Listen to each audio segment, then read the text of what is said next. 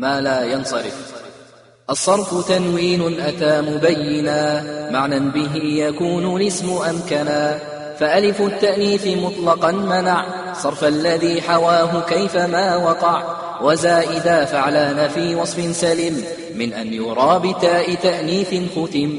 ووصف نصري ووزن أفعلا ممنوع تأنيث بتاك أشهلا. وألغين عارض الوصفية كأربع وعارض الإسمية فالأدهم القيد لكونه وضع في الأصل وصفا انصرافه منع وأجدل وأخيل وأفعى مصروفة وقد ينلن المنعى ومنع عدل مع وصف معتبر في لفظ مثنى وثلاث وأخر ووزن مثنى وثلاث كهما من واحد لأربع فليعلما.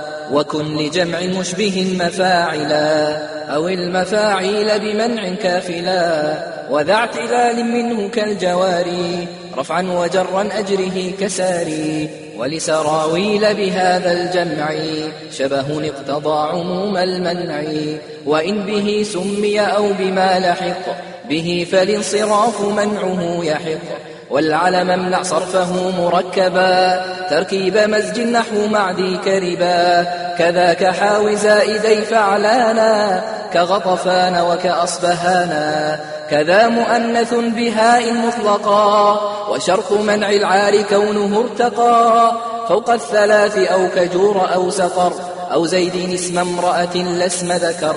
وجهان في العادم تذكيرا سبق. وعجمة كهند والمنع أحق. والعجمي الوضع والتعريف مع. زيد على الثلاث صرفه امتنع كذاك ذو وزن يخص الفعل.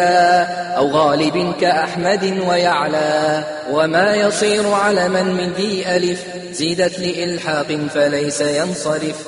والعلم امنع صرفه إن عدلا. كفعل التوكيد أو كثعلا والعدل والتعريف مانعا سحر.